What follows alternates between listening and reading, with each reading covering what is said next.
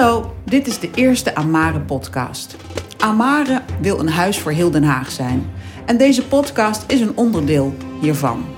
Vijf afleveringen waarin we inclusiviteit in het theater belichten. Ik ben uh, Paula Udondek en ik heb de eer om host te zijn voor deze podcast. Even iets over mezelf. Ik ben um, in 93 afgestudeerd als actrice.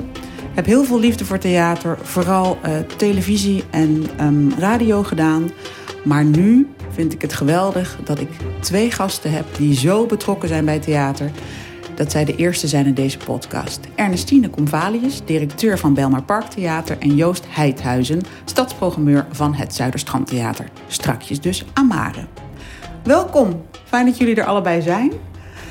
Um, voordat we strakjes de diepte ingaan en het over de inclusiviteit hebben... hoe belangrijk dat is in theater en eigenlijk in een stad... wil ik vragen of jullie jezelf even kort kunnen voorstellen... Ernestine, ik begin graag bij jou. Je hebt een cv van hier tot Tokio, maar ik wil toch... Ik hou hem kort hoor. Ja, is goed. nou, dank je voor uh, de uitnodiging. Ik ben Ernestine Convalius. Ik ben mede-initiatiefnemer mede en directeur van het Bijlmer Parktheater in Amsterdam. Het staat in Amsterdam Zuidoost, uh, richt zich op de hele stad en eigenlijk ook wel het land. maar we hebben duidelijke wortels in Zuidoost. Daar halen we ook onze inspiratie uit. Ja, ik uh, woon al, god, ik zou het bijna niet meer weten. Ik ben vanaf mijn negende in Nederland. Ben drie jaar tussenuit geweest, heb ik in Amerika als puber doorgebracht. Maar um, ik heb gestudeerd ook in Utrecht aan de universiteit. Sindsdien me ook bezig gehouden met theater. Alhoewel het nooit de bedoeling was om echt een professionele functie te hebben in het theater. Maar ik ben zo blij dat ik erin gerold ben. Dankjewel. Joost, gaan we naar jou. Uh, ik ben ooit opgeleid als uh, cultuurpsycholoog. Maar vond het veel interessanter om uh, feestjes te gaan organiseren. En ben van eigenlijk het een en ander, dus heb festivals georganiseerd, een bandje gehad.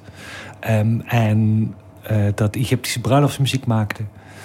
Um, en wat ik eigenlijk het meest interessante vind de afgelopen tijd, is hoe kunst voor iedereen kan zijn en hoe het een afspiegeling kan zijn van de samenleving. Uh, er kwam een uh, functie bij, uh, voorbij bij Zuiderstrandtheater. Dat heette Stadsprogrammeur. Ik vond het interessant omdat ik me niets wist wat ik daarbij kon voorstellen. En toen dacht ik, ja, dat is wel interessant, dus daar wil ik op solliciteren. En de afgelopen twee jaar ben ik, zijn we met z'n allen bezig geweest om eigenlijk de basis. Wat kan een theater in een stad betekenen? En hoe kun je daar belangrijke verhalen vertellen met belangrijke mensen? Om dat verder uit te breiden. Het is een uh, twaal en enkel proces. Uh, maar we komen ergens. Ja, oké, dankjewel.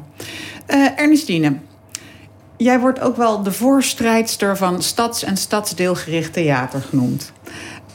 is dat bij jou uit noodzaak geboren? Want de wortels liggen in Zuidoost, zei in Amsterdam. Uh, keek je om je heen en dacht je, nou, er gebeurt hier eigenlijk niks uh, waar ik bij kan aansluiten? Of te weinig? Ja, nou, twee zaken spelen een rol.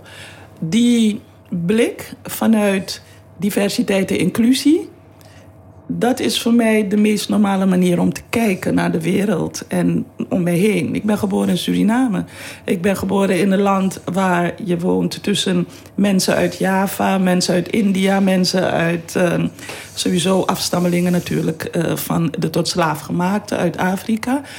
Dus dat, eh, als ik naar mezelf kijk, naar hoe ik ben samengesteld, van Portugees tot Chinees, noem maar op. Dus dat is gewoon een normale manier van kijken. Maar je zei heel terecht van, is je iets opgevallen? Ja. ja. Toen ik werkte bij het Emancipatiebureau in Utrecht... daar heb ik uh, jarenlang gewerkt als uh, emancipatieadviseur... adviseerden wij ook overheden, gemeenten, noem maar op. En het verbaasde mij, en ik praat nu over de jaren, nou zeg maar begin 90, eind 80... Uh, het verbaasde mij dat diversiteit en managing diversity, dat was de term toen, uh, dat dat zoiets ingewikkelds en moeilijks was. Ondanks alle adviezen die we gaven. Dus op een gegeven moment heb ik echt voor mezelf besloten dat als je wil aantonen dat diversiteit en inclusie, dat het niets vreemds is, maar gewoon geïntegreerd hoort te worden in je bedrijfsvoering, in je visie, je missie, dan ga ik het zelf bewijzen. Dus toen uh, ja, ging ik op zoek eigenlijk naar een, uh, een functie waarbij ik wel de leiding had. Ja. Ik ben geen, niet zo'n carrièrepersoon. Ik heb geen carrière gepland en het interesseert me niet welke functie ik heb. Maar ik had wel ontdekt dat je vanuit de top ja. dit moet stimuleren. En het niet kan overlaten aan goedwillende mensen op de werkvloer. Ja. Dus ja, het was ook in die zin vanuit de noodzaak. Ja. Nou, je bent meteen ook een voorbeeld, hè? een rolmodel, toch? Dat, is, dat is iets wat altijd anderen zeggen. Um, want uh, ik doe wat, wat mijn hart mij en mijn natuurlijke inzichten ja. mij geven. Dus als ik daarmee mensen inspireer, zo so be it. Dan ben ik daar blij om. Ja. En mag ik uh, meteen vragen, wat is het? Uh, je hebt natuurlijk heel veel gedaan, maar uh, je hebt altijd wel kleine dingen die een groot, groot verschil maken. Hè? Mm -hmm. En waar ben je op, op dat wat kleine dingen het meest trots op, als ik het vragen mag? Nou, ik ben wel trots op de lijn die we hebben gevolgd. He, dus als ik kijk naar Zuidoost, kom ik eigenlijk in een bescheiden kleine club terecht. Wel met ambities. Uh, de club heette toen Kraten. Maar het was wel een volledig witte club in Zuidoost. Wat ja. voor 70 procent, um, uh, daar wonen bewoners die voor 70 procent, nou ja, andere achtergronden hebben dan de gemiddelde Nederlander. Ja. Laten we het even heel ingewikkeld en wollig brengen. Uh, maar die afspiegeling was er niet. En Kraten kampte wel met allerlei bezuinigingen. Dus ik ben er trots op dat ik dat heb kunnen veranderen. En dat ik het vanaf het begin uh, iets heb gemaakt wat gaat over de toekomst van dat gezelschap. Laten we het even het collectief noemen. Ja. Uh, en dat het niet los van elkaar staat.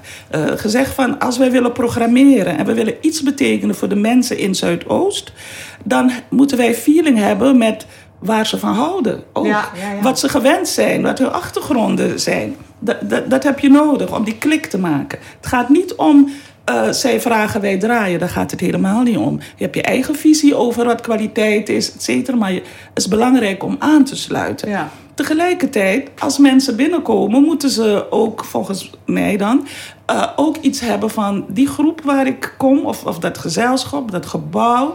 Ja, daar ben ik en welkom. En ze begrijpen mij. Nou, en gedeeltelijk is dat zichtbaar. Doordat er ook mensen zijn die op mij lijken. Ja, ja. En uh, hè, of het gaat ook om wat, hangt er, wat hangen er voor posters, wat hangen er voor foto's, et cetera. Dus uh, ik ben er blij om dat zoiets uh, kleins toch uitgegroeid is tot het Belmer Parktheater. En we hebben veel ups en downs meegemaakt. Het betekent ook dat er vele waren, nou, bijvoorbeeld ambtenaren, die zoiets hadden van. Uh, richt je gewoon op je stadsdeel. Uh, jullie zijn eigenlijk meer welzijn. Want zodra je uh, een directeur van kleur bent of een manager, was dan ik toen later. Dan ben je welzijn. zodra mensen van kleur met kunst bezig zijn, dan is het, heet het participatie. Ik hou niet van dat woord. Mm. Um, dus um, ik heb ook meegemaakt dat mensen zeiden: Nou, jullie zijn binnen een half jaar failliet. Kortom, je moet zo overtuigd zijn van waar je mee bezig bent om dat allemaal te overwinnen. Uh, het was ook in Amsterdam een tijd waarin wat als kunst gezien werd, ja, dat werd gemaakt in het centrum. Ja. Nou, wij zaten in de periferie. Uh, dus ik heb ook met, dat heb ik ergens ook geschreven, met arrogantie te maken gehad. En dus dat betekent dat ongeacht dat soort zaken. Um, wij beseften van, maar wij hebben goud in handen. Ja. Want al die verschillende kunstvormen van die mensen hier in onze omgeving, dat zijn mooie bronnen. En als je dan beseft dat die verhalen onderbelicht zijn. En doordat we altijd het hebben gecombineerd met talentontwikkeling. Mm -hmm. ja, dus we hebben een jeugdtheaterschool opgericht. We hebben op een gegeven moment een talentenlab. Nou, nu werken we zelfs met weet je, professionele jonge makers die we verder helpen. Um, ja, doordat we dat hebben gedaan, creëer je echt zo'n omgeving waarin er wel geloof en vertrouwen is dat uh, ongeacht je achtergrond je kunst kunt maken Ja. van goede kwaliteit en wat gehoord en gezien mag worden. Maar dat is opvallend. Dat, eh, wat, je, wat jij schetst is hetzelfde wat in De- Den Haag gebeurt. Mhm. Dus dat eh, ik was eerst adviseur hier bij de gemeente culturele projecten en kunstplan. En ons viel op dat er bijna nooit iets voorbij kwam dat cultureel divers was vanuit de community zelf. Mhm. En wij dachten, hoe kan dit? En ook vaak aangegeven bij de gemeente, stuur het op ons af. En toen ik in deze stad ging rondlopen, merkte ik dat alle dingen die van waarde zijn voor deze stad, dus eh, dat dat eh, eh, wat cultureel divers genoemd wordt, dat die eh, allemaal in het potje integratie en eh, een heel ander etiket hadden. Dat daar ook vaak Sinterklaas werd gespeeld. Dus dat er geen aandacht was aan duurzaamheid. En aan het werkelijk vertellen van sterke artistieke verhalen die een langere lijn hadden. En het bouwen van initiatieven. En dat vond ik een groot probleem. Dat vind ik nog steeds hier een groot probleem. Is dat voor jou herkenbaar, dat, die manier van kijken? Nou ja, ik heb me wel met Den Haag ook bezig gehouden. Zes jaar geleden eh, ongeveer, denk ik. Daar heb ik ook in de commissie gezeten die zich met het kunstenplan van Den Haag bezighield. En ik vond dat toen wel echt een begin is gemaakt met het praten over cultuurankers, heten Mhm, die ja. verschillende Ja. eh, ja, instellingen. Eh, en dat er toen toch echt wel een omslag is begonnen. Waarbij ehm, de theaters ook echt uitgedaagd werden om naar hun omgeving te kijken. En ook om eh, een plek te geven aan de mensen uit de buurt. Dus dat je niet alleen voor mensen bezig bent, maar met mensen. Dus zelf heb ik die verandering gezien en ook eigenlijk een bijdrage aan mogen leveren door de kritische vragen, et cetera, die ik mocht stellen. En ik, ik volg enkele toch ook wel. En, en ben, ben ook wel betrokken nog steeds. Met de participatiefederatie ook? Precies, via Ja. de Participatiefederatie ehm, heb ik contact met eh, verschillende van de cultuurankers. Maar toen al speelde ook wel. Oké, maar dan ben je een cultuuranker. Eh, betekent dat dat de grotere gevestigde theaters. dat zij zich dan nergens meer mee bezig hoeven te houden? Of dat je alleen maar gezien wordt als ehm, de aanvoerder, aan, hè, dus degene die zorgt voor, voor dat publiek van kleur. Ja, ja. En dan eh, kunnen zij Dan daarmee schitteren. percentage is Ja, dan bereikt. Precies. Heel goed, Zij zo kunnen daarmee zijn. schitteren. En, maar, maar jij blijft nog altijd daar op die positie van... Klein duimpje. hoe noem- klein Ja. duimpje, Ja. et cetera. Nou, dat, ik denk dat dat nog best kan veranderen, zover ik dat eh, observeer. Het is de diversiteit omdat het moet. In plaats van de diversiteit vanwege een grotere Nou, noodzaak. Dat wil ik jou eigenlijk vragen. Want jij bent, ja, dat is heel stom om het nu. Ja. Maar goed, het gaat toch ook over kleur en achtergrond. Ja. Jij bent natuurlijk een, een blanke of witte man, heet dat Ja. nu. Ehm, is het bij jou eh, intrinsiek van binnenuit dat je vindt van nou, daar moet, daar, moet gewoon een verbinding zijn. Daar moet voor iedereen plek zijn. Want anders zou je denken, nou, ik, zit toch eigenlijk wel goed met alle journalistiek, muziek, eh, cultuur, bandjes die je hebt gehad. Ik bedoel, het is niet noodzakelijk. Nou, of misschien is het wel noodzakelijk voor jou van binnenuit. Ik weet het niet. Ehm, eh, ja, want ik ben altijd eigenlijk bezig geweest met waarom dat cultuur interessant vind. Is omdat het een taal van nu uitspreekt. Ja. Daar heb je nooit, ooit een citaat van Kleist, een hele oude dode theatermaker, die zei: Ik wil mijn eigen spraak ervinden. En de taal die nu is, is de taal als je nou buiten kijkt. En dat zie je, die verhalen en ook de waarde die die verhalen eh, in deze stad in tijden van corona, in tijden van eh, rellen in de Schilderswijk, in, eh, die worden niet verteld. Ja. En dat vind ik, er staan makers te popelen om die verhalen te vertellen. Ehm, er eh, is vooral in deze zwaar gesegregeerde stad, eh, liggen daar hele grote kansen. Je moet kijken, het is een stad waar ehm, in sommige wijken 90% hoger opgeleid is. In andere eh, wijken 90% lager opgeleid. Ja. En je wil wel met een theater die dingen bij elkaar brengen. En daar geef ik niet een indirect antwoord. Ik ben Mhm. eh, een persoon van eh, middelmatige, of een middelmatige, eh, middelbare man met een Limburgse tongval die dit als functie heeft. Mijn andere antwoord is dat eh, diversiteit moet iets zijn dat in de hele organisatie zit. Ja. En niet alleen bij de functie stadsprogrammeur. En ik denk dat cultuur altijd een verworvenheid is. Eh, en dat moet je leren. Ik heb cultuur en godsdienstpsychologie gestudeerd. Ik weet een beetje hoe dingen werken. En wil ook erin- voor inzet, blijf er maar voor inzetten dat we een representatie van de samenleving zijn. En een stom voor, stomme voorbeelden die ik zie, Mhm. en dat zou eigenlijk niet moeten, is eh, we proberen ook andere productiemethodes het theater in te brengen. Je hebt een eh, Champions League in Nederland die 50 jaar subsidie ontvangen heeft en perfecte voorstellingen maakt in grote systemen. Eh, je wil veel nieuwe geluiden een kans geven die Ja. niet die voorsprong hebben. En bij andere theaters zie ik dus dat de mensen van kleur eh, die dit soort functies doen, dat die vaak een achterstand hebben, omdat de vrolijke chaos, het nieuwe, dat rond de nieuwe makers vaak hangt, met de beste bedoelingen vaak op de eh, mensen geplakt wordt die dit doen. Dus dan is het, oh, jij bent persoon van kleur, dus Ja. het is chaotisch. Dus het is, nee, dat is niet zo. Het is, eh, je doet met minder middelen iets wat anderen met meer middelen doen. En ik ben er altijd heel erg in geïnteresseerd van hoe je een absolute gelijkheid kunt creëren. En ook hoe je dit soort eh, verschillen heel streng kunt aanpakken. Dus waarom is het als het bij een afscheid van een directeur bij ons, als het dan uitloopt, dan is het gezellig.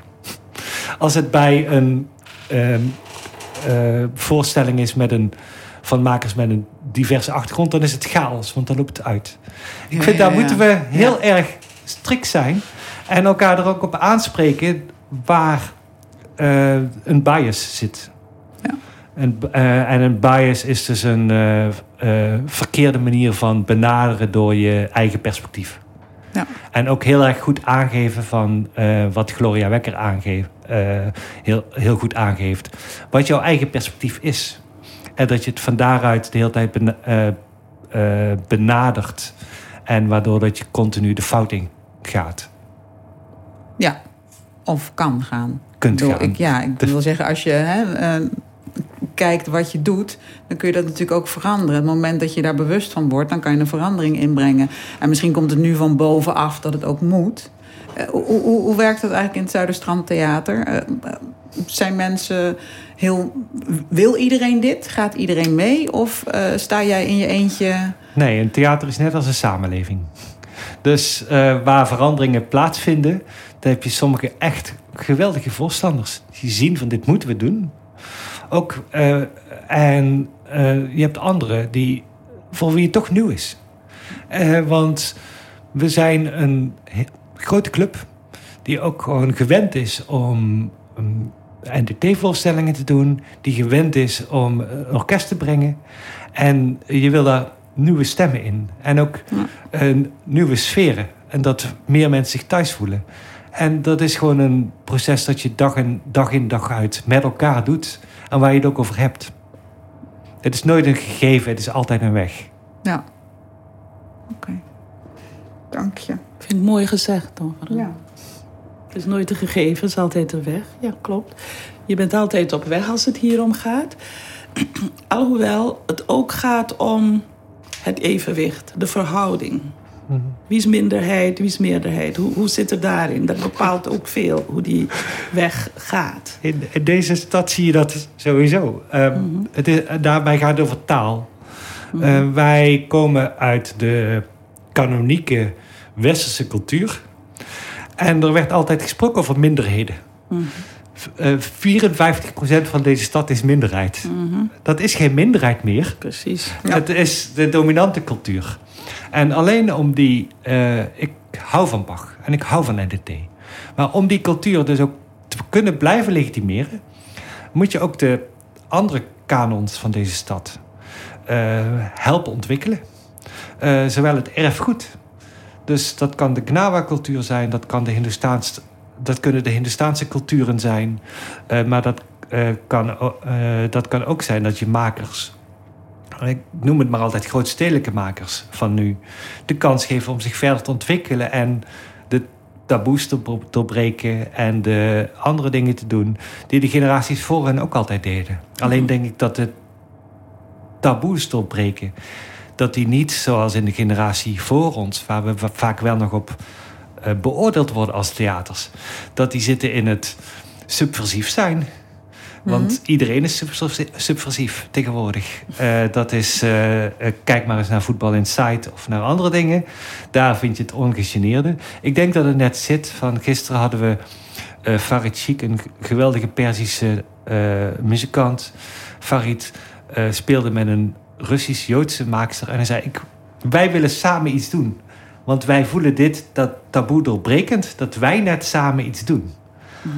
Dan is het van, kom een gast, we gaan het proberen. Ja. Uh, wees welkom. En ik denk dat dat het nieuwe normaal, uh, dat dat meer, zit in de verbinding. Want we zitten nu in een super geïndividualiseerde samenleving. Waar uh, iedereen maar roept. De rol van kunst is net om die dingen bij elkaar te brengen. En te luisteren en te kijken waar de overeenkomsten zijn. Ja. Um, heb jij uh, samenwerkingen gezocht eh, voor het Belmar Park Theater? Jazeker, jazeker. Ik wil straks terugkomen op dat stuk over verbindingen. Ja, samenwerking, altijd. Um, in het eh, begin zocht ik de samenwerking in Zuidoost zelf. En ontdekte van, nou, ik heb kunnen pionieren. Je moet je wel voorstellen, ik ben begonnen in een uh, stadsdeel waar je, je had alleen een centrum verbeeldende kunst, die zich vooral met uitleen bezighield en ook exposities. Je had de, het muziekcentrum, nou mhm. zeg maar muziekschool. En je had kraten, kunstzinnige vorming. Dus we hebben, ik heb kunnen pionieren. En ehm, dan ga je naar de buurt kijken.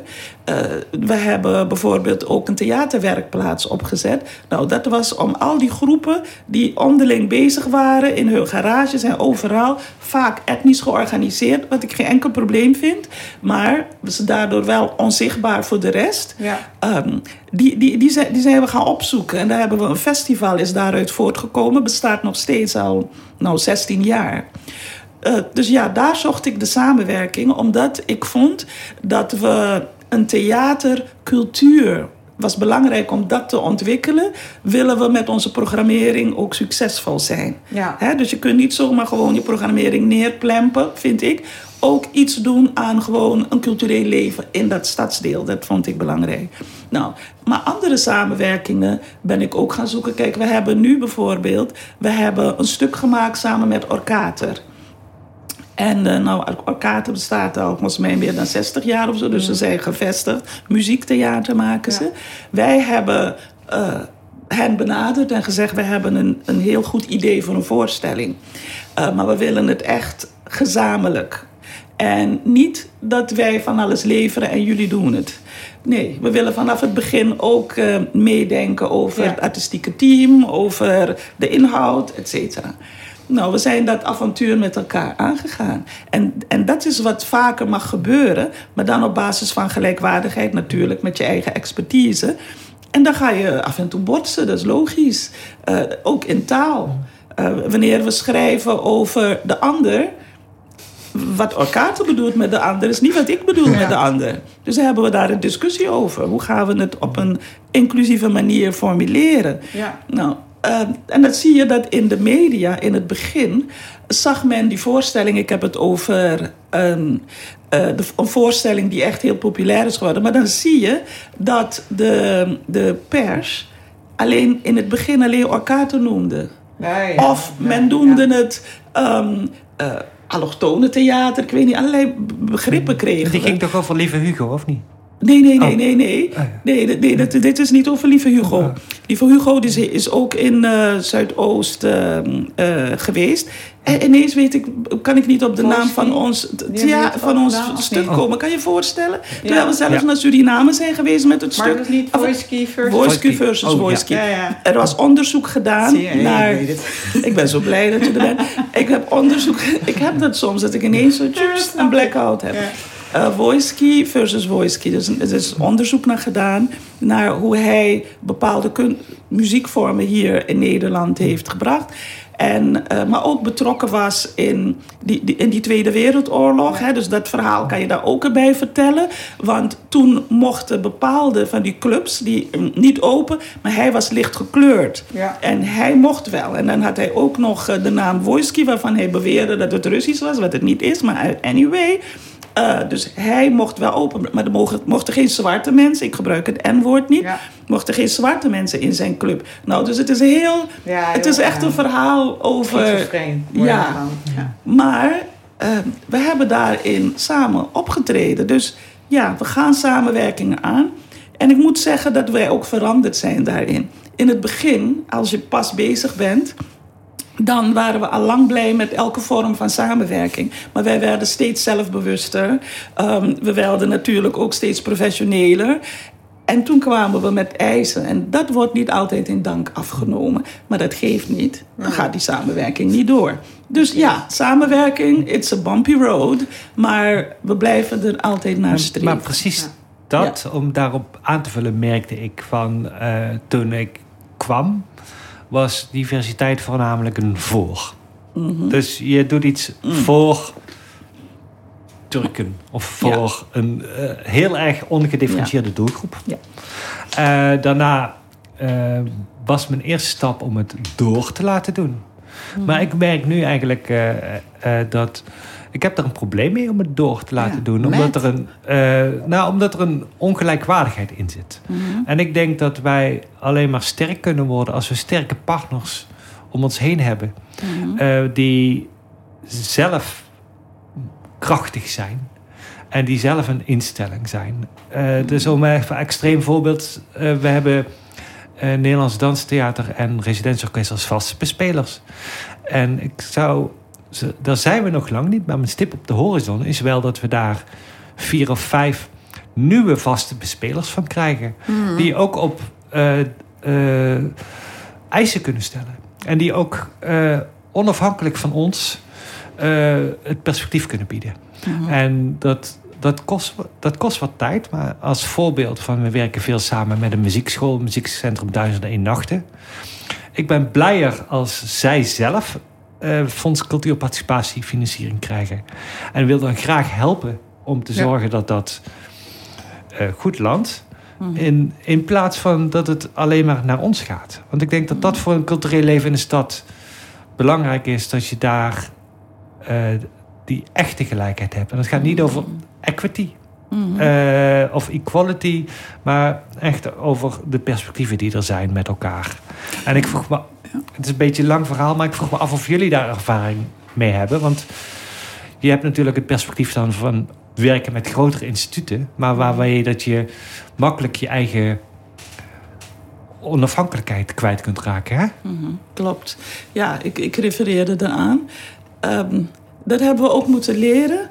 Tegelijkertijd, we hebben ook altijd uiteindelijk een houding van, maar ook als zijn we klein in de relatie met de ander, wil dat niet zo zeggen dat wij ons ook klein hoeven te gedragen. Dus, uh, hè? dus in die zin, je zegt je wil werken met uh, partners die dat al, hè, dus zo'n standpunt kunnen innemen ja, ik vind dat je ook een partner die daar niet zo ver in is, dat je ook daarmee kunt samenwerken. Uh, het vraagt dan meer van jou als gevestigde instelling. Kijk, inmiddels zijn wij ook uh, een instelling. instelling geworden, ja toch? ja, opgenomen in de basisinfrastructuur. Die andere uh, jongere gezelschappen of jongere initiatieven ondersteunt en op weg helpt. En het klopt. En dan vraagt het van jou dat jij niet alleen je belang uh, voor ogen hebt. Ja. En, uh, en, en dat is waar. Ik, ik zal niet zeggen dat ik dat heel veel zie uh, om mij heen. Maar het is voor mij ook een principe. Dus daarin ja, herken ik ook. Geven en nemen. Ja, geven en nemen. Um, en ik vind, als je gevestigd bent, heb je grotere verantwoordelijkheid. Hm. En um, die heb ik niet ervaren in mijn traject. Uh, tuurlijk zijn er andere die ik, ik vind wel leuk om te noemen. Uh, ik heb bijvoorbeeld de voormalig directeur van het Concertgebouw, Erik Gerritsen. Hmm. Er zijn twee, dus deze is die van het Concertgebouw. uh, die, heb, die heeft gegeven moment echt belangeloos. Heeft hij in het bestuur gezeten van de jeugdtheaterschool. Uh, heeft ons wegwijs gemaakt in dat doolhof van kunst en cultuur. Waar het echt wel gaat, ging en gaat om de cultuurpauze, om je weg kennen. Ja. En dus, dus juist omdat wij ons zo bewust zijn van hoe we daarin zijn gekomen en wat de hobby's waren, staan wij klaar voor anderen om hen op weg te helpen. En dan zou ik nog één ding willen zeggen, en dat gaat toch over wat hardnekkig is. Mm Onlangs heb ik uh, in Utrecht afgerond, dus die hele kunstenplanperiode, als voorzitter van de kerncommissie. En dan zie je als het om diversiteit en inclusie gaat, nog steeds hele mooie initiatieven hoor. En ook steeds meer samen met. Maar de, de besluitvormers, de kern, de staf, dat is niet divers. Het is heel hardnekkig iets. En het is, dat is dus wel voor de komende tijd uh, de, de, de zaak om aan te pakken. En tegelijkertijd klopt het dat je organisatiecultuur die gaat veranderen als er meer mensen binnenkomen die niet uit de dominant, vanuit de dominante groep uh, werken of denken, het perspectief meenemen. Uh, dat is wanneer je in een volgende fase komt.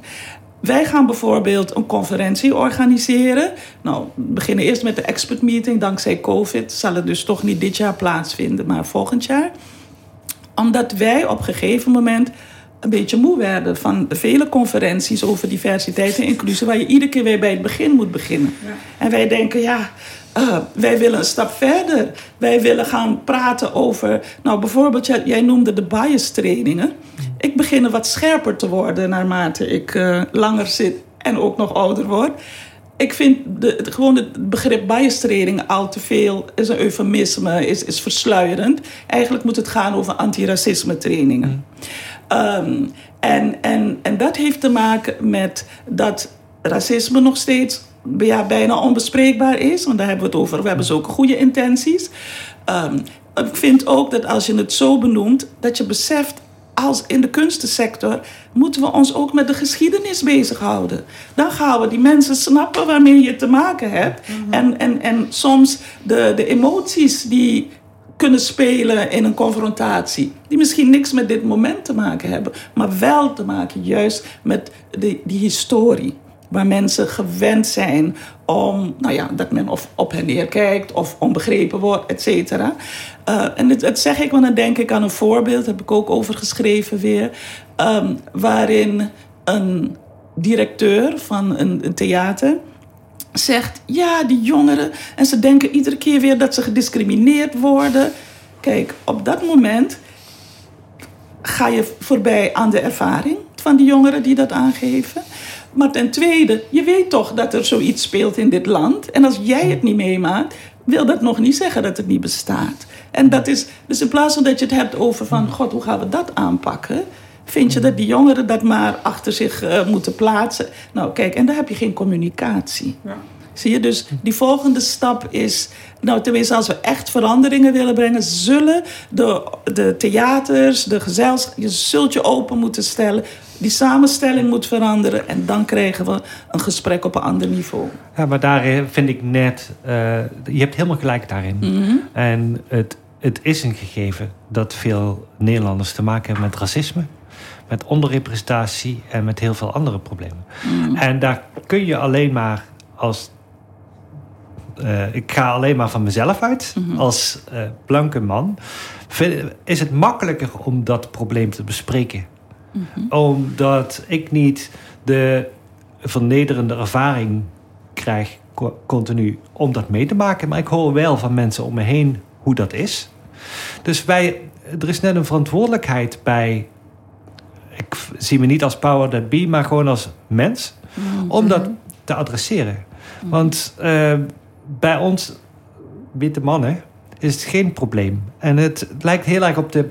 Uh, uh, want wij kunnen ons terugtrekken in onze veilige cocoon. Dus ook beslagen ten ijs komen van. Ho, dit doe je niet. En uh, misschien is een goed voorbeeld van. Ik ben nogal feministisch opgegroeid. Mm-hmm. En uh, feminisme is een soortgelijk iets. Nou, dat wilde ik inderdaad net vragen. Hoe is het als vrouw? Uh, we hebben het over racisme, wat natuurlijk hè, met, met kleur vooral te maken heeft. Mhm. Maar als vrouw loop je natuurlijk ook tegen. Of kun je tegen die dingen oplopen? Ja, ja. Wat weet jij daar nou van, meisje? Of zo. Ja, precies. Liefje en dat soort zaken. Nee, nou ja, je had het al eerder erover. Dat er, vers- weet je, het gaat om klasse, het gaat om gender, kleur ook. eh, dat is race. Maar ook, een, eh, ook gender en, en verschillende zaken die opgestapeld worden. En, eh, en die samen ervoor zorgen dat je deze of gene positie hebt. Dus het is, een ordeningsprincipe in die samenleving, dat, dat, dat klopt. Dus ja, soms heb ik te maken met eh, nou ja, het feit dat ik vrouw ben, het feit dat ik zwart ben. Eh, men weet niet precies vanuit welke klasse ik kom. Dat vindt men dat is een beetje ingewikkeld om zo aan mij te zien en hoe ik me gedra. Eh, vaak vind ik wel dat er, als het gaat om kleur, men meteen ervan uitgaat: oh ja, die is zeker ehm, ja, eh, niet geschoold. Of eh, hè, dus zo wordt er gesproken over eh, de groep. Ja, dat heb ik, dat heb ik wel meegemaakt. En eh, ja, in een eh, omgeving eh, met mannen moet je wat sterker zijn. Goed, je vraagt het aan iemand die, eh, die, die, die wel pittig is. Ook al ben ik ook heel rustig. En, ehm, en ja, als het gaat, wil, wil je weten of ik dat soort zaken heb meegemaakt? nou, ja, ik weet tenmin- dat het leeft. Ik weet dat het zo is. Ik weet dat eh, niet voor niets mevrouw Crenshaw ehm, een, een, een haar theorie heeft ontwikkeld over intersectionaliteit. Hè? Omdat ze, eh, nou, ze heeft een casus wat ze uitlegt waarin ehm, eh, de achterstelling echt gebaseerd was op zowel het vrouw zijn als het zwart zijn. Maar dat het moeilijk was om die rechters dat duidelijk te maken. Want zij keken of naar discriminatie op basis van dat je vrouw bent, of naar discriminatie op basis van ras. En zij zei: wanneer je dat samen bekijkt en analyseert wat er in dit bedrijf gebeurt, dan zie je eh, hoe dat een versterking is van die achterstelling. Dus je kunt ze eigenlijk nooit scheiden. Ja. Ik ben altijd bij beide en, en al die andere identiteiten tegelijkertijd. En die bepalen hoe mensen naar me kijken en wat Ja. mijn positie Ook is. daar een concrete... Er zijn zoveel concrete voorbeelden Ja. van een eh, vriendin van ons is eh, eh, gehoofddoekte Syrische dame. Mm. Eh, als zij alleen bij de Belastingdienst komt, Ja. Eh, bij loket, dan ehm, wordt er denigrerend over haar gesproken. Als mijn vrouw meegaat, eh, dan zijn er alle egaars. Ja. Dat is Ja. structurele discriminatie. Precies. En eh, zo zijn er zoveel voorbeelden daarvan in Nederland. Ehm, En dat heeft er ook nog mee te maken, dat, denk ik. je had het net over de. ehm, wa- eh, wat was het ook alweer? De ander. Ja. Eh, en Ja. ik denk dat er in Nederland eh, netwerken zijn eh, die redelijk gesloten zijn. Ook culturele netwerken zijn daar een onderdeel van. Door die, en niet iedereen heeft toegang tot die netwerken. En in de netwerken wordt een bepaalde taal gesproken. Het is voornamelijk een masculine taal en een witte taal. En als er iets wordt toegelaten, dan is het even ter legitimatie van, de, van die dominante groep. In plaats van dat het eh, een verandering van het systeem de basis is. En dat zie ik als ik hier op het. eh, ik zat in een eh, sessie van een stadhuis, daar ging het ook over onderdekte culturen in de stad. Dat ging niet over onderdekte culturen, want als je in Eskamp gaat kijken, daar. Columbus heeft ook Amerika niet ontdekt. Het gaat erover dat die netwerken nog niet zijn aangesloten op het do- dominante systeem. En het enige wat je kunt doen is eh, fight power die dingen openbreken en de stemmen niet alleen onder een diversiteits- of inclusiviteits- of eh, hokje binnenlaten, maar het als een integraal systeem van je werking laten zien en het netwerk openhouden. Hmm. Anders eh, een beetje ehm, zwartkijkend. Anders is die hele cultuursector er ook gewoon over twintig jaar geweest, hè? Ja, dat is een belangrijke. Dat het echt ook gaat om de toekomst. Ja. En, en om, de, om de duurzaamheid. Om uh, te beseffen dat je, hè, je, je noemde het ook al... Uh, dat je je niet los van die samenleving kunt ontwikkelen als kunstensector. En dat komen we natuurlijk wel veel tegen, dat de kunstensector zich soms ja, of naar binnen gericht. En of af en toe nou, een, mooie voorstelling maakt die iets te maken heeft met het maatschappelijke, maar dan hups weer uh, naar binnen. Uh, gericht is. Ja, de hele discussie over kunst om de kunst, hè, dat speelt al, al, al eeuwenlang bij wijze. Maar, als het gaat, maar dan denk ik ook, kijk, wanneer de kunstensector krijgt soms slagen, hè, dus ook vanuit de overheid, uh, bezuinigingen, et cetera. En dan is men verbaasd dat niet iedereen, dat niet de hele samenleving opstaat en zegt: uh, wij willen de kunsten. Hoe kan dat?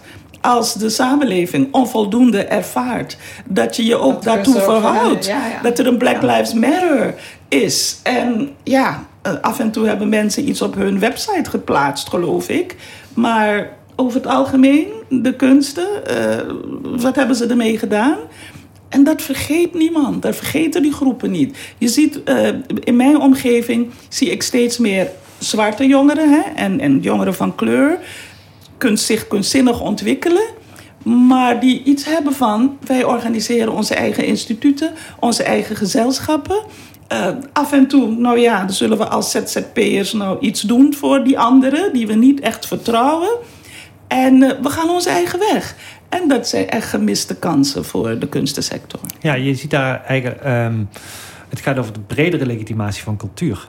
Dus is kunst een collectief goed? Net zoals de tram of iets anders, waar iedereen bij bijdraagt, maar ook iedereen aan kan deelnemen met al zijn verhalen. Uh, of is het een ding van een bepaalde klasse dat het niet meer een collectief goed is? Op dat punt zit het. En ik ben ook heel benieuwd van waar ik me boos, zorgen over maak. Is, uh, we zitten natuurlijk nou in COVID-tijden. En uh, als voorbeeld, ik luister veel BBC thuis. Mm. En een van de meest ontroerende momenten die ik de afgelopen tijd meemaakte, is dat uh, de BBC een singalong had. Dus in tijden van uh, COVID. Ja, um, en Nederland had een singalong, dat was Lee Towers met You Never Walk Alone. De BBC had een singalong, dat was Oasis, dat was als Bill Withers. Dat was uh, UK Garage. En toen dacht ik, wauw, dit is dus een instituut die weet wat ze doen. Want ze zijn er voor iedereen. Mm -hmm. En uh, nu zijn er heel veel mensen die, vooral in de grote steden, in de zorg werken. Keihard. Ja. Uh, die alle functies doen. Wij zitten hier netjes op anderhalve meter. Waar die de pakketjesbezorger zijn, die de supermarktmedewerker mm. zijn. Maar ook die de chemisch laborant zijn en uh, de huisarts. Die een gigantische stress zullen ervaren hebben. En mijn grotere vraag is, ik ben bang namelijk dat we gewoon teruggaan naar een nog saaier cultureel systeem. Waar alle oude voorstellingen nog even opnieuw worden gebracht. En waar uh, de nieuwe verhalen, die deze, uh, waar deze samenleving om vraagt. Dus niet een 16e eeuwse pestverhaal, maar het pestverhaal van nu in een distributiecentrum waar die niet verteld gaan worden. Mm -hmm. En dat maakt me wel. Ik vraag, deel jij die zorgen? En uh, wat gaan we daaraan doen? Ja, ik, ik heb de neiging om niet vanuit zorgen te denken. Hè? Dus, de, maar ja, dat is zoals ik in het leven sta. De, terwijl je best gelijk kunt hebben, maar dan denk ik meteen... die theaters die dat gaan doen, die zijn passé. En die zullen heel snel passé zijn. Dus als ze dat willen doen, moeten ze het vooral gaan doen. Intussen zijn anderen zich, gaan, zich anders aan het ontwikkelen. Weet je? Dus wat ik bedoel, ze zullen gepasseerd worden. Ja. Um, maar ook wij, ik bedoel, als Belmer Park Theater. Uh, God, we konden de geweldige voorstellingen die, uh, die je graag binnen zou willen halen, ja, die, die konden we niet vertonen. Want ze kunnen niet op tournee gaan bij andere theaters. Dus ineens heb je te maken met een hele andere programmering. Maar dat het positieve daarvan is, is dat we zijn gaan kijken naar die jonge makers. die al de hele tijd aan de weg timmeren en nog te weinig gezien worden. Zoals, ja, ik denk dat jullie ze niet kennen, zoals een Ocean. Um, en die gaan we naar, naar voren halen. Uh, of dat stuk aardappelbloed. Want met hen kun je afspraken maken. Uh, dat ze twee keer een half uur. Of, of ze zijn flexibel. En ineens denken we, hé, hey, dat kan best een label van ons worden. Dus, je, dus ik denk dat er ook hele nieuwe zaken nu ontwikkeld worden. Ook in combinatie natuurlijk met um, livestream. Alhoewel ik nog best een beetje verontwaardigd ben over de livestream van het theaterfestival. Waar je voor moet betalen en dan met veel moeite kan je je livestream vinden. En zodra het afgelopen is, moet je er iedere keer voor gaan betalen. Wil je het weer. Kijk, die, die nieuwe ontwikkelingen, daar zeg ik van wees daar vooral kritisch over. Maar soms kan je met livestream en live gezamenlijk ineens honderden mensen bereiken. Die, uh, die, die, die, anders niet, niet, waren en niet waren geweest. Dus ik zie vooral ook dat er diegenen die gericht zijn op de toekomst, die gaan zich versneld ontwikkelen. En die anderen, ja, dan, uh, die, daar maak ik me dus ja. geen zorgen over. Want dat hebben ze zelf in de hand. Ja, daarbij biedt deze tijd ook mogelijkheden. Ik zie het ja. zelf bij. Ze hebben op streams heel erg ingezet op net geweldige makers als Selim Dogru, die ja. vanuit Amsterdam ging streamen. Mm -hmm. Farid uh, die ook een beetje de wel, sterren zijn geworden van YouTube, mm -hmm. omdat ze opeens hun publiek begonnen bouwen. Mm -hmm. Wat het voor ons heel makkelijk, of niet makkelijk, maar uh, nog meer legitimiteit gaf om daarop ver mee verder te bouwen aan hun publiek.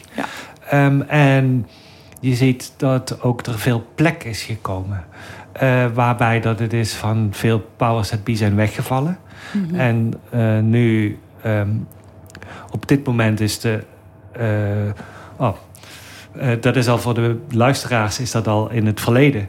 maar mm -hmm. het Knama Festival was geweest. Dat was, we hadden daar een probleem, omdat we daar eerst het een festival rond de mystieke Marokkaanse cultuur. En uh, er kon niemand uit Marokko komen. Mm. Uh, maar ook een half orkest zat leeg uh, thuis. Want die kunnen ook niet met z'n honderden spelen. Nee. En dat soort dingen gaven net een mogelijkheid om Karima El Faryali en Sisani... om met andere mensen te gaan werken. Mm. En om die stemmen verder te bouwen. Dus ik denk wel dat je daar een bewustzijn van moet ja. hebben. -hmm. Dat je deze tijd ook niet gebruikt om stil te zitten en te kniezen. Nee. Maar net om te zorgen dat je ook de diversiteit net een kans geeft. Mm -hmm. Want je kunt meer risico's nemen. Want, uh, want de theaters zijn gewoon klein. Ja. Dus je kunt bouwen. Je kunt bouwen, ja. Experimenteren. Um, soms wij, wij zijn daar wat meer interdisciplinairder bezig. Mm -hmm. uh, met, met, tentoonstellingen, panel, gesprekken. Weet je wel, je gaat het op een andere manier uitbreiden en verdiepen. Ja, dus dat is ook een pluspunt. Denk jij dat Amare er nog over twintig jaar is? Ik bedoel, het moet nu nog komen, maar over twintig jaar is als uh, niet meegegaan wordt in uh, zeg maar de verbinding met de andere culturen en andere theatervormen. Ja, ik weet niet eens het anders is, maar gewoon de andere geluiden nee, naar het is boven niet anders. komen. Nee, ja. Het is. Uh, het allitererende, dus het is waar, maar de grote legitimatie om gemeenschapsgeld, vastgoedgeld, mm -hmm. geen cultuurgeld, mm -hmm. te bouwen in een plek uh, die het huis was uh, van een orkest, van een conservatorium en van een dansgezelschap, plus heel veel tussenruimte, mm -hmm. zit net in die samenleving. We zitten in een samenleving die alleen maar zich kan ontwikkelen door belangrijke gebeurtenissen van deze stad gewoon centraal te stellen. Dus we zijn nu met een planning bezig met Nationaal Theater, waar die belangrijke gebeurtenissen van Nuros tot Diwali, uh, tot Prinsjesdag, tot ja. Veteranendag. Um, in de kalender staan en die gaan we groots vieren. Oké, okay, want ik vroeg me ook af, hoe vinden jullie de partners? Je had het wel net over 1001 Nachten en het Kanawa Festival. Maar waar, waar of, ga, ja. We hebben goede netwerken, ook dankzij de cultuurankers. Mm -hmm. Die uh, heel goed in de wijken bezig zijn. Ja. En ik vergelijk hun altijd als uh, met uh, wij zijn een saaie, trage boom. Mm -hmm. uh, diep geworteld, maar wel log. En we hebben veel goede partners als Variant Theater en Laagtheater... die net de bijen zijn. En die zorgen voor de kruisbestuiving en die zorgen voor de snelheid. Ja. Dat zijn ontzettend belangrijke radars... die hopelijk ook tweezijdig uh, zorgen voor die ontwikkelingen. Mm -hmm. Ehm, en je hebt ook gewoon al, eh, maar naast die ontwikkelingen heb je ook gewoon je eigen perspectief. En dat eigen perspectief is, niet, is dat je eh, de belangrijke feestdagen hier en festivals gewoon viert. Dat doe je, want het is voor die stad. Ja. En dat zijn eh, eh, eh, van uh, Indie-herdenking tot Katie Kotti. eh, die zitten allemaal in die lijn. En dat moet hier, om, om dat spui eh, gevierd en herdacht worden. Ja, dus je haalt dat dan ook in je theater. Je laat het niet alleen maar in de cultuurankers. Ja, om een Eh. goed voorbeeld eh, te noemen van voor mijn tijd was Amazigh Nieuwjaar. De eh Berberse herdenking eh, of Berberse nieuwjaarsviering. Mhm. Was iets dat dreigde even naar een eh, eh, feestzaal terug te gaan. En dat vond, eh, ik kreeg telefoontjes van, mogen we alsjeblieft bij jullie, want dit verdient een groot podium en dit verdient een theater. Ja, tuurlijk verdient het dit. En wees welkom en dat we dit gaan uitbreiden. En ik denk dat dat, eh, je hebt hier vaak in deze stad discussies over ehm, het centrum van de macht. Ehm, en ook de, de activiteiten die in de periferie gebeuren, als Schilderswijk of andere plekken. Mhm. Die plekken moet je, eh, die eh, dingen moet je een prominente plek geven zonder dat je eh, er overheen gaat walsen. Eh, dus je moet ook dingen in hun water laten. Ik had nu een gesprek over Holy, het Mhm. poederfeest. Dat heeft een prima plek in Transvaal. Dus daar moeten wij vooral niet als Spuiplein, als Pauwensapie overheen gaan fietsen. Maar we kunnen wel kijken dat we Holy Panga de dag ervoor, die iets meer ingetogen is, dat we dat een plek hier kunnen geven, zodat je altijd een relatie hebt tussen. eh, het woord periferie ligt even niet zo lekker, maar Mhm. eh, eh, sorry voor het woord. De, Mhm. de randen van de stad en de kern. En Mhm. dat het hart en ook de ledematen met elkaar blijven Ja. communiceren. Mhm. Ja, mooi. Ehm, heb jij nog eh, tips voor Joost? Zeg maar vanuit jou. eh. Op, op welk as- aspect? Want ik heb Ja. het idee dat, dat Joost eh, heel goed weet waar hij mee bezig is. Dus eh, ja, Ja, maar ja, hij fijn om jou te zo horen. graag. Fijn om te horen. Dus bij welk aspect zou Ja, je maar- nog tips willen hebben? Waar ik, bewonder, waar ik bewondering voor heb en wat ik tegelijkertijd ook als ons eh, ehm, een uitdaging voor eh um, Amare straks zie, is van: ehm, kijk, jullie zijn nog een redelijk eh, goed roeibootje geweest. Dat zelf eigenlijk zijn koers heeft kunnen bepalen. Mhm. En eh, daarmee heb ik bewondering voor dat jullie een hele grote betekenis hebben gehad voor het stadsdeel. Mhm. Omdat ehm, eerst was het stadsdeel eh, vooral opleiding van Ajax-voetballers. Ehm, en als positieve kant. Mhm. En nu is daar gewoon een levendige cultuur bijgekomen. Dankzij jullie. Dat is eh, heel veel respect daarvoor. Dank je. En eh, je weet ook vanuit je andere hoedanigheden hoe moeilijk dat het is als mammoetschip dat een groot theater kan zijn, om die eh, geworteldheid te hebben. Ja. En daar ben ik benieuwd naar wat jouw advies daarover is, hoe je dat wel als mammoetanker kunt doen. Aha. Het is wel goed dat je het begrip mammoetanker... want dan zeg ik... Ik wil niet dat het Belmer Parktheater alleen maar een instituut wordt. Dus dat is mijn boodschap wat ik iedere keer heb meegegeven.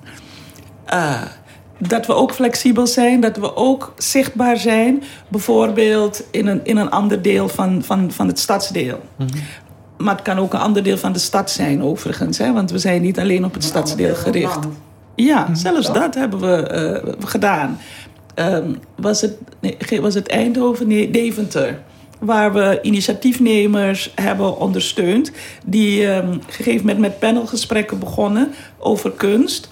En, en het daar echt introduceerden. Nou, dan, dan zijn wij ook daar. Dus dat, dat soort initiatieven ondersteunen we. Jullie hebben een landelijke betekenis, punt. Nou ja, we, daar waar we van betekenis kunnen zijn. Ja. We, we, we, zijn geen, ehm, eh, we zijn geen activistische groep of activistisch theater. Maar als we een ontwikkeling zien, zoals een Black Lives Matter, dan, en er is een demonstratie, dan staat ons theater in het midden van die demonstratie. En dan hangt daar ook een banier. En dan of als wij zien, dat is gebeurd bijvoorbeeld met de mensen van Kickout Zwarte Piet zijn hier in Den Haag tijdens een heel vreedzame bijeenkomst aangevallen, bedreigd met, met een, uh, ja, wapens, dus geen schietwapens, maar allerlei wapens. Er zijn mensen van getraumatiseerd. Mhm. Dan zijn wij degene die iets organiseren van inbesloten, hier kun je erover praten. Ja. Met andere woorden, Ehm, terwijl we een instituut worden steeds meer, en klopt, we moeten veel met planning, het kan niet allemaal ad hoc meer, uh, willen we ook zichtbaar zijn. Uh, als het om actualiteiten gaat, maar ook als een andere groep iets organiseert daar in die buurt dat wij er zijn of dat wij een verbinding met hen zoeken. Dus hmm. steeds weer naar buiten treden, zodat je geen afgesloten uh, bolwerk uh, wordt. Dus dat is, dat is waar we um, mee bezig zijn. Want het gevaar van wanneer je succesvol bent, is dat je die wortels vergeet. En nu wordt het interessant om landelijk en internationaal enzovoorts. En je vergeet die wortels. Dus die wortels moeten altijd een plaats krijgen, toch nog in dat theater. Kijk, we zijn open van 9 tot uh, eh, 11 eigenlijk. En uh, mensen kunnen dus uh, binnenkomen. mensen kunnen ruimtes huren. maakt niet uit wat ze organiseren zozeer. Maar dus dat theater moet van de mensen van Zuidoost zijn. Ook al heb je een tak wat heel erg overstijgend bezig is. Dus dat, dat zijn die, die, die twee benen om op te blijven hinken. En het is niet dat het klinkt heel logisch, maar er komen echt wel soms stemmen uh, die vinden van we moeten, uh, ja, dat Zuidoost, het is beknellend. Terwijl Zuidoost is in ontwikkeling. Je moet ook veel verder vooruit kijken. Dat is niet, straks niet meer hetzelfde stadsdeel als wat, wat, wat er nu speelt. Hè? En jullie zijn gewoon een levendig stadsdeel. Dat is het centrum van Amsterdam zit potdicht. Dat is een uh, Disney-attractie geworden. en ik heb het idee dat net het culturele leven in mm Meervaart, in, uh, uh, bij jullie en op andere plekken, bij Mozaïek en bij andere mhm. plekken gebeurt. Want mhm. om uh, waar het niet gaat over de bevestigende cultuur, maar over de uh, waarden die nu ontwikkeld worden van Nederland. Ja, dus en dat, is, en dat is wel mooi. Dus ik vind het mooi dat ik dat nog heb mee mogen maken. Hè? Dus dat wil ik er wel bij zeggen. Mhm. Want ik kom van die tijd waarin, ja, nou wat ik vertelde, ja, zo'n stadsdeel is maar zo'n stadsdeel. En, uh, en dan zie je, dan moet ik altijd aan Toni Morrison denken met haar. zij heeft een uitspraak van, weet je, uh, I started at the edge and make that, made that the center, zoiets mhm. dergelijks. Met andere woorden, ehm, en dat zeg ik, dat ambities mhm. blijven hebben, is wel, was voor ons wel belangrijk. Mhm. Want uh, te vaak hebben wij gehoord, we zijn te ambitieus. Maar hè, je moet je voorstellen, wij begonnen ergens onder de garage. Hè, daar hadden we ons kantoor. En, um, maar dat heeft ons er niet van weerhouden om die visie vooruit te hebben. En dat is ook een ander aspect ervan. Is, want je, je geeft mij al de, de, de honors, de, um, zeg je dat in het Nederlands? De, ja, de, credits, ja, de eer, de eer, de eer, dat is Nederlands. Maar ik denk dat ons geheim is dat we het altijd als een collectief hebben gedaan. Mhm. Want als ik straks wegga, dan weet ik, we hebben zoveel inhoudelijke gesprekken gehad, het collectief draagt het. Dus de nieuwe directeur, dat is trouwens Jolanda Spoel.